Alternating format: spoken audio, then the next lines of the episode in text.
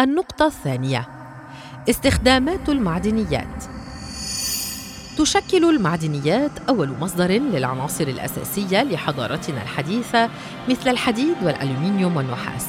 ولها أيضا الكثير من الاستخدامات بسبب خصائصها الميكانيكية والبصرية والكهربائية والمغناطيسية. ففي الكثير من الأحيان يتم استخدامها في مجالات التصوير الطبي كما في تطوير الأدوات والآلات والمواد الصناعية والزراعية.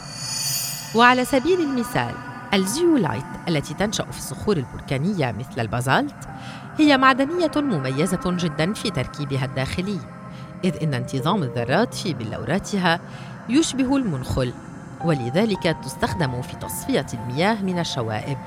لكن بسبب ندرتها في الطبيعة عمد العلماء على تصنيعها وعليه أصبحت شائعة الوجود في مصاف تنقية مياه أحواض السباحة والغسالات المنزلية وحتى في أحواض الأسماك.